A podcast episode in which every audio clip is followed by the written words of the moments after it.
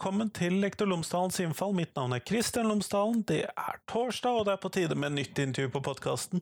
I dag så snakker jeg med Melinda Jørgensen. Hun er elevombud i Oslo.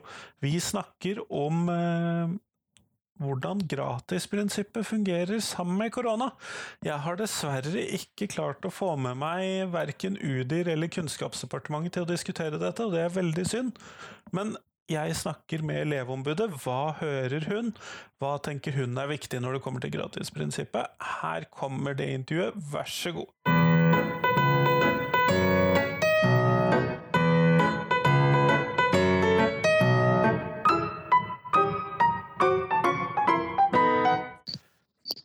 Melinda Jørgensen, tusen takk for at du har tatt deg tid til meg i dag. Bare hyggelig, det. Du er elevombud i Oslo, men kunne du ha fortalt lytterne mine tre ting om deg selv, sånn at de kan bli litt bedre kjent med deg? Jo, I jobben min som elev- og lærlingombud i Oslo, så jobber jeg for rettighetene til elever og lærlinger på videregående. Og jeg får masse spørsmål fra elevene. Eh, til vanlig så er en viktig del av jobben min å reise rundt og ha skolebesøk og møte på lærlingsamlinger, og det må jeg bare innrømme, det savner jeg nå. Nå er jeg på hjemmekontor. Det har jeg kjempestor um, forståelse for. Jeg savner klasserommet, jeg også. ja. Og den siste tingen jeg tenkte jeg skulle nevne, var at jeg er ganske imponert over lærerne i Norge. Eh, jeg er imponert over innsatsen og kreativiteten som mange lærere har vist, og ikke minst den der stå-på-viljen som har vart nå i eh, seks lange uker. Så tenker jeg at eh, vi har faktisk gjort den raskeste omstillingen i norsk skole noensinne, og det syns jeg at vi skal være stolt av. Helt enig, helt enig. Men én ting som har bekymret meg i denne situasjonen her nå, det er gratisprinsippet. Eh, rett og slett fordi at eh, jeg har en mistanke om at det er ikke alle skoler og kommuner som lever helt opp til reglene i gratisprinsippet. Så jeg lurte på om du først kunne gi oss en liten sånn kjapp innføring i gratisprinsippet? Ja. Det står det i opplæringsloven at opplæringen er gratis. Um, og det er den både i videregående og i grunnskolen. I grunnskolen så skal skolen dekke alt av utstyr. I videregående så står det at uh, skolen kan vente at elevene har med seg individuelt utstyr som opplæringa til vanlig gjør det nødvendig å ha. Og den der er jo litt, sånn, litt vag i loven, men så har heldigvis Utdanningsdirektoratet kommet med en liten presisering om hva det kan være for noe. Eh, og det kan være eh, utgifter til bærbar PC, kalkulator, kladdebøker, nødvendige klær og utstyr. Og når det gjelder PC og kalkulator, så vil det normalt dekkes inn av det stipendet elevene kan få fra Lånekassen. Ja, dette det, grunnstipendiet. Det egentlig, ja, som alle elever på videregående kan søke om. Så, så det er sånn gratisprinsippet har vært. Og det er sånn det er i dag også. fordi Regjeringen har akkurat tatt en liten justering av opplæringslova. Det ble publisert eh, 17.4. hva resultatet ble. Og da landa de på at gratisprinsippet ikke endres. Så det er akkurat de samme reglene som gjelder nå under koronastengte skoler, som gjelder til vanlig. Nettopp sånt. Egentlig så burde ikke jeg trenge å ha denne bekymringen, da, sånn som jeg hører det. jeg, jeg, deler den. Fordi at uh, de siste ukene så har jeg fått en del henvendelser fra elever eh, som har hatt spørsmål om gratisprinsippet. Og det har, det har gitt meg en opplevelse av at eh, fordi rammene for undervisningen har vært annerledes nå, så har også gratisprinsippet blitt presset og strukket litt noen steder. Nettopp. Hva slags type henvendelser er det du da har fått inn om dette? Jeg har f.eks. fått spørsmål om bredbånd. Hvem er det som skal betale det? Eh, det er ikke alle som har det hjemme fra før. Eh, og hvis skolen legger opp til undervisning online, at man skal møte til strømmede skoletimer f.eks. Ja, disse videomøtene har bekymret meg en del, for det krever jo faktisk mm. en god båndbredde i tillegg. Det er ikke bare det billigste bredbåndet som er nødvendig. Ja, og da da tenker jeg at eh, det er egentlig ikke elevens ansvar å sørge for det, fordi det vil gå inn under digitale læremidler. og Det er helt eksplisitt nevnt at det er det skolen eller fylkeskommunen som skal betale.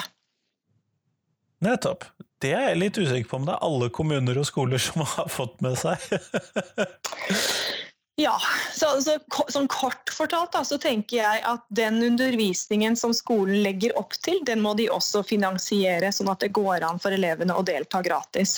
Eh, vi har eh, eksempler fra Oslo, da, her hvor jeg jobber. Her eh, var det noe av det første Utdanningsetaten tenkte på da de stengte skolen. Det var hvordan i all verden skal elevene våre få tilgang til nett? For de visste at det er ganske mange av elevene som ikke har det til vanlig. De går på bibliotek eller de, de sitter på skolen utover ettermiddagen og gjør lekser der. Så det er ikke alle som har bra bredbånd hjemme. Og da ba de skolene kartlegge det, og så har utdanningsstaten kjøpt inn rutere og satt opp internett lokalt rundt omkring i byen, sånn at alle elever da skal være dekket opp av internett. Nettopp. Det var jo relativt proaktivt. Eh, det må jeg si var ganske imponerende av Oslo kommune. Jeg tenker at vi, vi, ser hele skalaen her. Da, både eh, praksis som er i strid med regelverket, og god praksis. Jeg kan nevne et annet eksempel på det. Det er eh, hva gjør man med de elevene som går på mat- og restaurantfag, som skal lage mat nå, som har det som en del av opplæringa si. Hva skjer da? Da har jeg fått henvendelse et eller annet sted, fra et eller annet sted i Norge, eh, på ung.no, for jeg er en av svarerne der. Og spørsmålet lyder nå har skolen bedt meg om å lage en treretters middag og dokumentere det. Er det riktig at jeg skal behøve å betale alle de matvarene selv?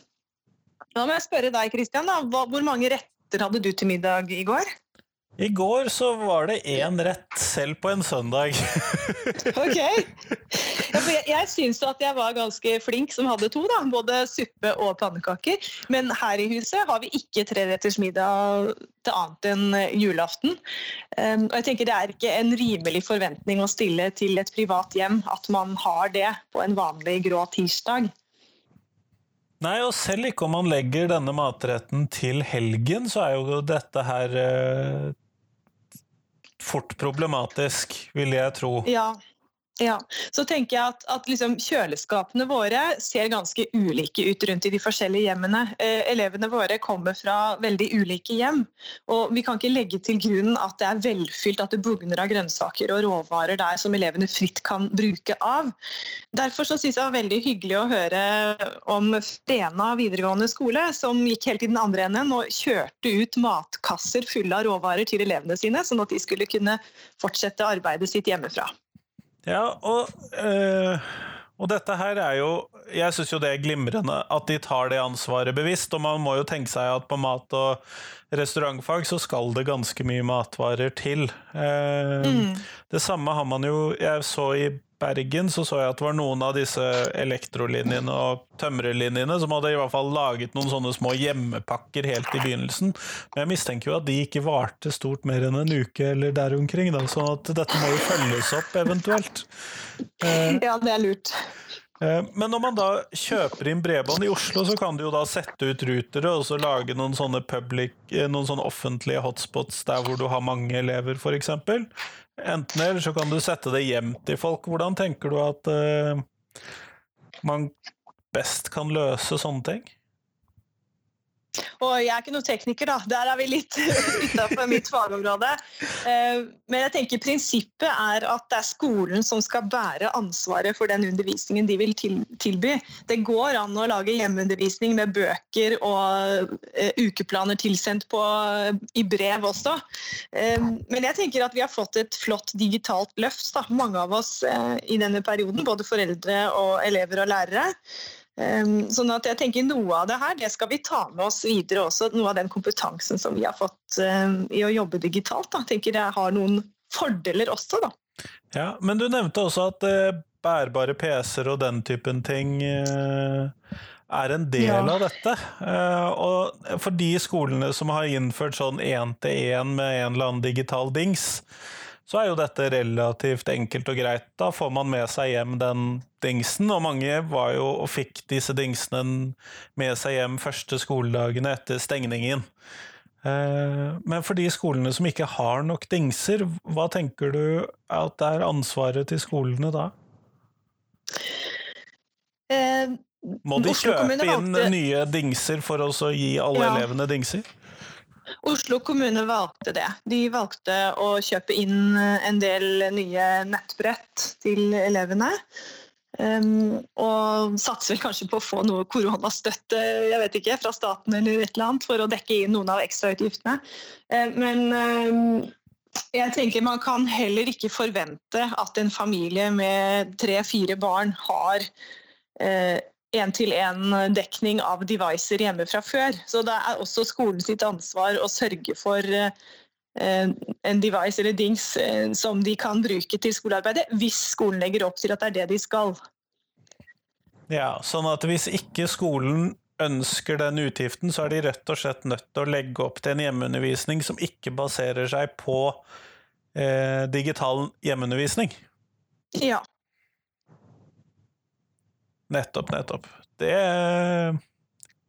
det høres ut som Oslo kommune tenkte gjennom dette og gjorde dette på en uh, greit i god måte, men det høres ut som en del andre kommuner og skoler ikke helt har levd opp til den. Jeg tenker også Internt i Oslo så har vi store variasjoner. Og, og som du var inne på i stad, de skolene som allerede hadde god dekning av eh, PC-er og nettbrett, og allerede er vant til å jobbe digitalt med elevene sine, som har installert apper og har hjulpet elevene i gang med å bruke dem, de skolene har, et, har hatt et kjempefortrinn nå. Eh, På videregående i Oslo så har alle elevene eh, sin PC eller Mac fra før og er vant til å bruke disse. Men vi ser at det har vært eh, forskjeller blant lærerne også, i hvilken grad de har vært vant til å eh, tenke digitalt når de planlegger undervisning. Så eh, der igjen så ser vi at det er de lærerne som er mest vant til det fra før, som har hatt det lettest nå den perioden her, da. Det kan jeg helt klart se for meg. Og så vet jeg jo det fra samtaler med en del kolleger i, på lærerværelset rundt omkring, at de har én jobbdatamaskin som har stått på jobben, og som stort sett er å regne i kategorien slepbar, og så har de hatt eh, eventuelt en hjemmemaskin eller en iPad hjemme som de har brukt, men som er deres private. Ja. Mm. Eh, sånn at jeg mistenker at det var en del som eh, oppdaget at de ikke nødvendigvis hadde utstyret hjemme når det kom til hjemmeundervisning for sin egen del også. Men det er kanskje Ja, ikke elevombudet sin uh, side av saken. Nei, nei, jeg har ikke så god oversikt over det fra lærersida. Du kan jo invitere noen derfra en annen gang. Men, eh, men inntrykket mitt at det har vært litt forskjeller. da. Jeg kan bekrefte det at selv internt i Oslo så er det et spenn eh, imellom dem som kan mye, dem som ikke kan så mye, dem som er godt preppa med utstyr, dem som ikke er så godt preppa. Så vi har de eh, forskjellene også her internt i byen, da. Nettopp, nettopp. Eh, men hvis vi da ser, fordi at nå har vi jo da nevnt det er bredbånd, det er tilgang til en digital dings hvis undervisningen er lagt opp slik, og så er det mat- og helsefaget. Er det noen andre fag som du tenker, eller eh, situasjoner i skolen hvor du tenker at gratisprinsippet blir utfordret nå? Jeg fikk også spørsmål om eh, tilgang til strømmetjenester. Det er en del av lærerne som har brukt eh, strømmetjenester eh, aktivt med elevene. Det kan være en god idé, det. Å vise film, Sånn type Um, Netflix videre, da. for eksempel. Eh, Og da er jo spørsmålet hvem skal ta den Netflix-regninga når både mamma, pappa og broren min har uh, brukt opp sin gratisperiode? da er det ikke gratis lenger, da koster det penger. Og da tenker jeg at da er det faktisk skolen sitt ansvar enten å dekke den, eh, det abonnementet, eller finne andre måter å vise film på som ikke koster penger for eleven. da. Og Det er sånne ting man kanskje ikke tenker på. At eh, nei, det er ikke alle som har Netflix-abonnement. Eh, Det er så lett å glemme når man har det sjøl, og når de fleste vennene dine har det. Så, så man, må huske på at vi, vi er elever for alle Nei, vi er lærere for alle elevene i Norge. Alle typer familier. Og, og da må undervisningsopplegget ta høyde for alle de typene hjem som elevene kommer fra. da. Nettopp, nettopp. Eh, Den har jeg faktisk tenkt på litt innimellom, for jeg har innimellom ved type sykeopplegg eller lignende sendt hjem at de måtte se den samme filmen, men det, det har alltid vært med litt sånn uggen smak i munnen med tanke på det at det, har de faktisk tilgang til dette, og ville de turt å si til meg hvis de ikke hadde Netflix? Eh, Tør de det? Jeg må spørre deg tilbake da. Tør elevene dine å si fra? Nei, du, vi har ikke Netflix, vi. Til nå så har jeg ikke oppfattet det som et problem, oversatt det jeg tror at de har hatt, at de har sagt at de har klart å gjøre det, og de har gjort oppgavene, men jeg vet ikke om den sosiale stigma knyttet til det ville vært for stort hvis det var et tilfelle hvor en elev ikke hadde det. Mm. Det tror jeg kunne vært vanskelig. Uh... Ja. Det, er, det er ikke så kult å innrømme at eh, vi ikke har så mye penger hjemme. Det er det nok ikke. Nei, og det ser man jo når man oppretter den typen støtteordninger for, eh, for økonomisk hjelp, at man antar at en del faller utenom rett og slett for at de ikke vil bruke den typen støtteordninger. Sånn at, eh, fordi at det oppleves som sosialt stigmatiserende. Så Ja. her er det jo ganske kjente problemstillinger, da. ja. Nei, eh, så den ser jeg, men Mens vi pratet nå, så måtte jeg se hva lærerne til mine egne barn hadde skrevet i mat- og helsefaget knyttet til dette med økonomi. Eh, og vi presiserer at dersom dere ikke har mulighet til å kjøpe inn ingredienser og eller ikke kan gjennomføre matlagingen, finner vi selvsagt en løsning for å gjøre dette på en alternativ måte. Eh, og det er jo litt sånn vanskelig grensetilfelle. Men de har i hvert fall belyst at det kan være et, grense, et problemstilling. Ja. Ja, jeg vet at noen mat- og helselærere de hadde eh, bedt elevene lage den maten som skal lages hjemme, og ikke lagt noen føringer på hvilken mat det skulle være, men at de skulle dokumentere det med bilder og oppskrift og lage et opplegg rundt det. Da, da er det helt opp til familien å, å styre hva det vil være for mat. Så det er jo et alternativ i mat og helse. Altså ikke den treretteren, men at man eh, setter opp eh, bare at lag mat, det er det som er det viktige her. Ja, lag en middagsrett eller et eller annet sånt, og så dokumenter det. Så, så det, det, det handler litt om måten man eh, eh, legger ut en oppgave på. Jeg, jeg eh, håper at vi kan komme dit at, eh, at når oppgaven blir lagt ut, så favner den flest mulig elever. At det er færrest mulig elever som sitter med den følelsen at 'å nei, det her funker ikke for meg'. Så både innholdet i oppgaven faglig, men også det med at det skal være gratis, at det kan være så inkluderende som mulig. da. Nettopp, nettopp. Jeg hører jo det at dette er jo antagelig noe som er en problemstilling også utenfor koronatider, fordi at jeg mener at en vanlig mat- og helseoppgave er nettopp det å lage mat hjemme. Ut ifra en planlagt meny. Så jeg mistenker jo at dette også kan være en problemstilling utenom disse tider. Ja, ja det, det tror jeg du har rett i. Eh, Men eh, er det noen sånne spesielle andre ting som bekymrer deg når det kommer til disse koronastengte skolene? Eh, Jeg har fått en del henvendelser som jeg tenkte jeg skulle fortelle deg om. Det, det går på vurderinger. Eh, Og henvendelsene som jeg har fått, det går på at det har vært veldig mange eh, innleveringer. Spesielt i starten av den nedstengte perioden. På videregående så var det jo sånn at fraværsgrensa forsvant i det øyeblikket skolen stengte. Det er ikke lenger noen eh, fraværsføring mens elevene er hjemme. Og, og da var det nok noen lærere som tenkte at de i hvert fall måtte sørge for å holde dem på plass eh, ved hjelp av innleveringer. Fordi det vurderingsgrunnlaget skal fortsatt være der for å få standpunktkarakter. Men eh, vurdering, det er vurdering, det er ikke fraværsgrense.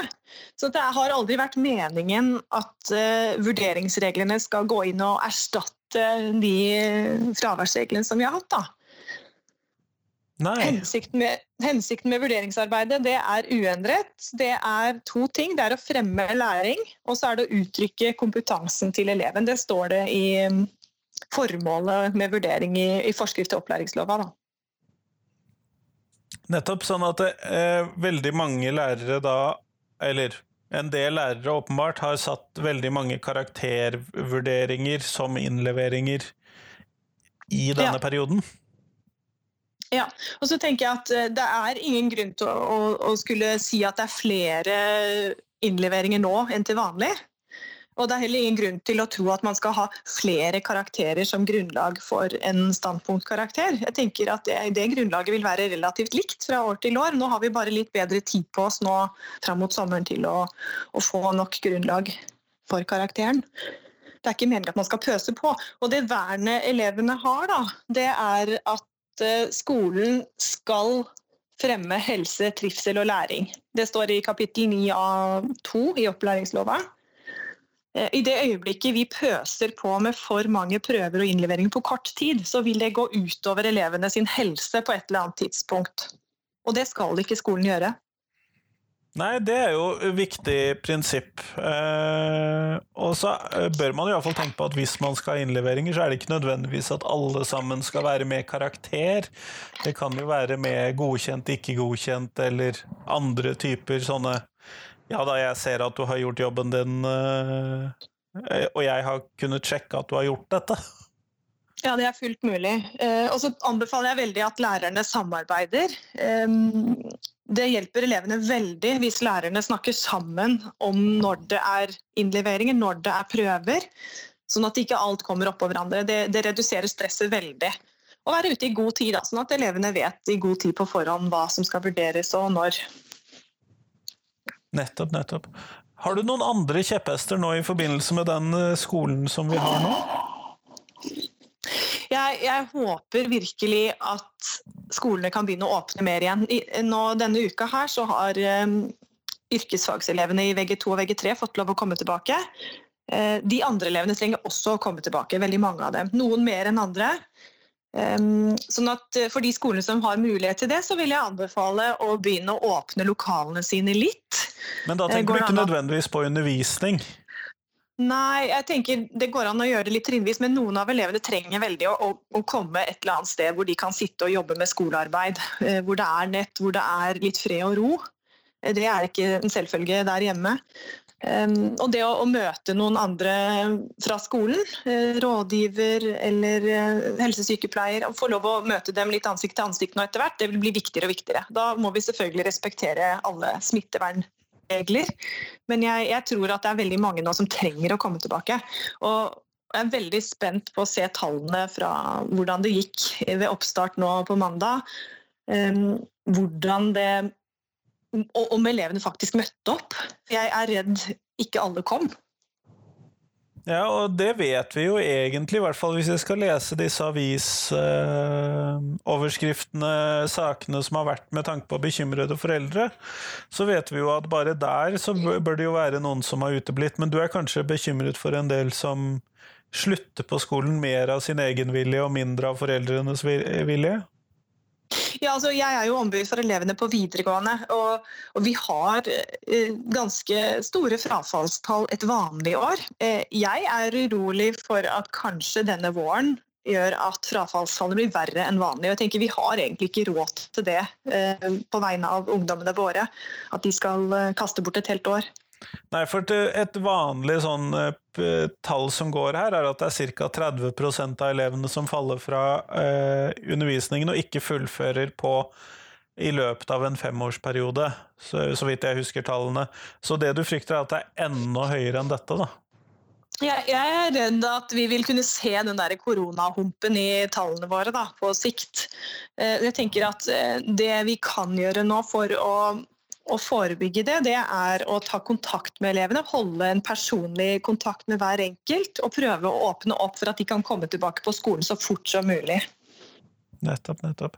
Vi går mot slutten av dette podkastintervjuet, og da har jeg et siste spørsmål som jeg stiller til alle de som jeg snakker med på podkasten, og det er hvis noe skal ut av skolen, hva tenker du at skal ut? Hva, hva, hvis du fikk bestemme? Takk for spørsmålet. Eh, jeg er veldig glad du spør. Eh, det jeg vil skal ut, er oppførselskarakterene. Eh, vi fikk akkurat gleden av å svare på en høring om det som har å gjøre med vurdering. Og jeg tenker at det å sette karakter på et annet menneskes oppførsel, det sier noe om hva du tenker oppførsel er. Eh, som ombud så tenker jeg at oppførsel det er et samspill av alle dem som er til stede. Og, og, da har jo skolens ansatte eh, et stort ansvar også i hvorfor det blir som det blir. Eh, da tenker jeg det er ikke riktig å, sette et tall på den svake parten i forbindelse med, med, oppførsel da, sette en karakter. Um, så, så, jeg tenker at de karakterene de er vel litt gammeldagse. Og så tenker jeg vi må finne andre måter å jobbe med elevenes utvikling på. De skal selvfølgelig utvikle seg eh, både med relasjoner og, med sosial kompetanse også. Så tenker jeg at det er litt andre verktøy da, som, som, er bedre for å, å, få til det på enn å, enn å, å sette en karakter på de da. Nettopp, nettopp. Nei, Superflott at du ble med i dag. Tusen takk for det. Tusen takk for at jeg fikk lov å være med. Det var veldig hyggelig.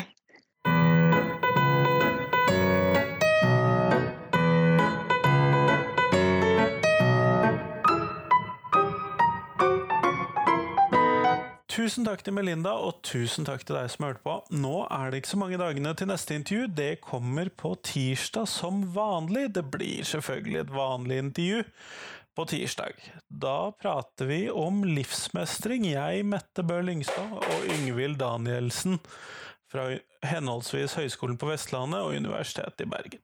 Men i hvert fall, det blir på tirsdag, så får du ha en uh, god dag videre. Hei, hei.